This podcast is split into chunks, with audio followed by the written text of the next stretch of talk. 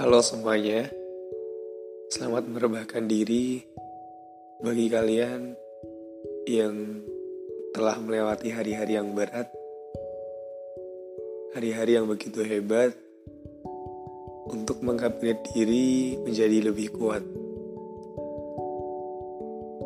Berbicara versi sukses, setiap orang punya standarnya masing-masing hampir sama seperti bahagia,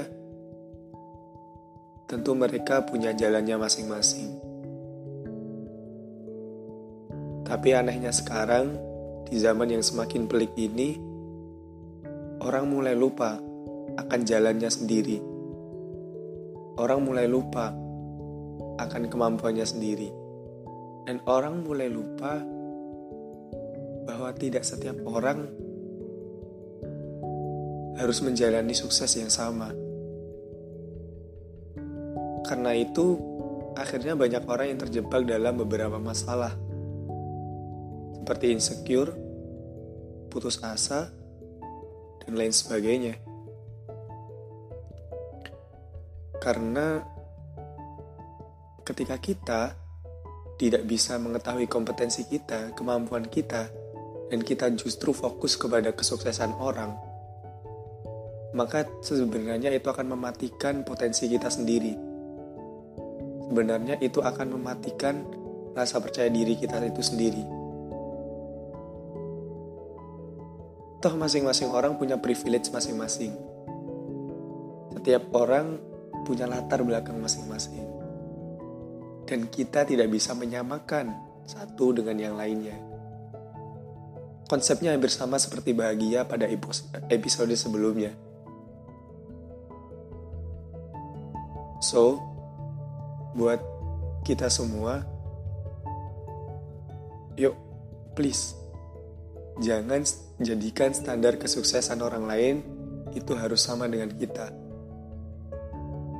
Karena ada beberapa aspek yang harus kita perhatikan ulang.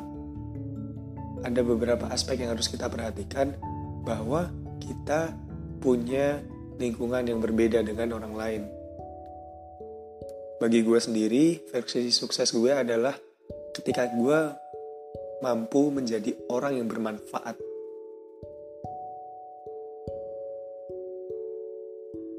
Ketika kita bermanfaat menjadi orang yang dibutuhkan di masyarakat atau dalam lingkup kecil misalkan dalam pertemanan menurut gue itu sudah suatu hal yang luar biasa. Karena banyak orang yang kita kira sukses. Seperti contoh umur 20 udah punya pekerjaan tetap. Umur 21 udah punya mobil. Umur 25 sudah punya apartemen. Di benak kita mungkin mereka orang sukses Iya, sukses dalam hal materi.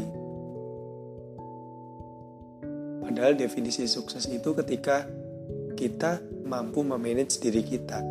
Berarti kalau kita mampu memanage diri kita, otomatis maka jangka panjangnya atau follow up-nya harus memanage lingkungan, yaitu dengan bermanfaat.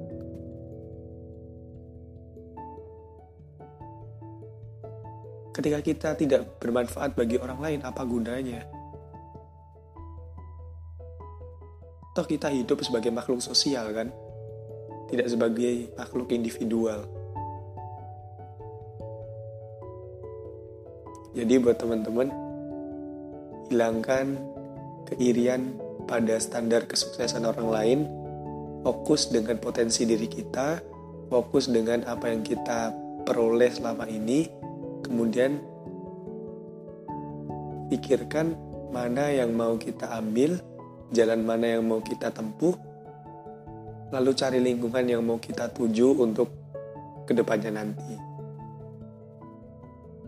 Terakhir, ada satu quotes menarik dari ayah gue sendiri. Dan ini menjadi ya prinsip sukses gue sih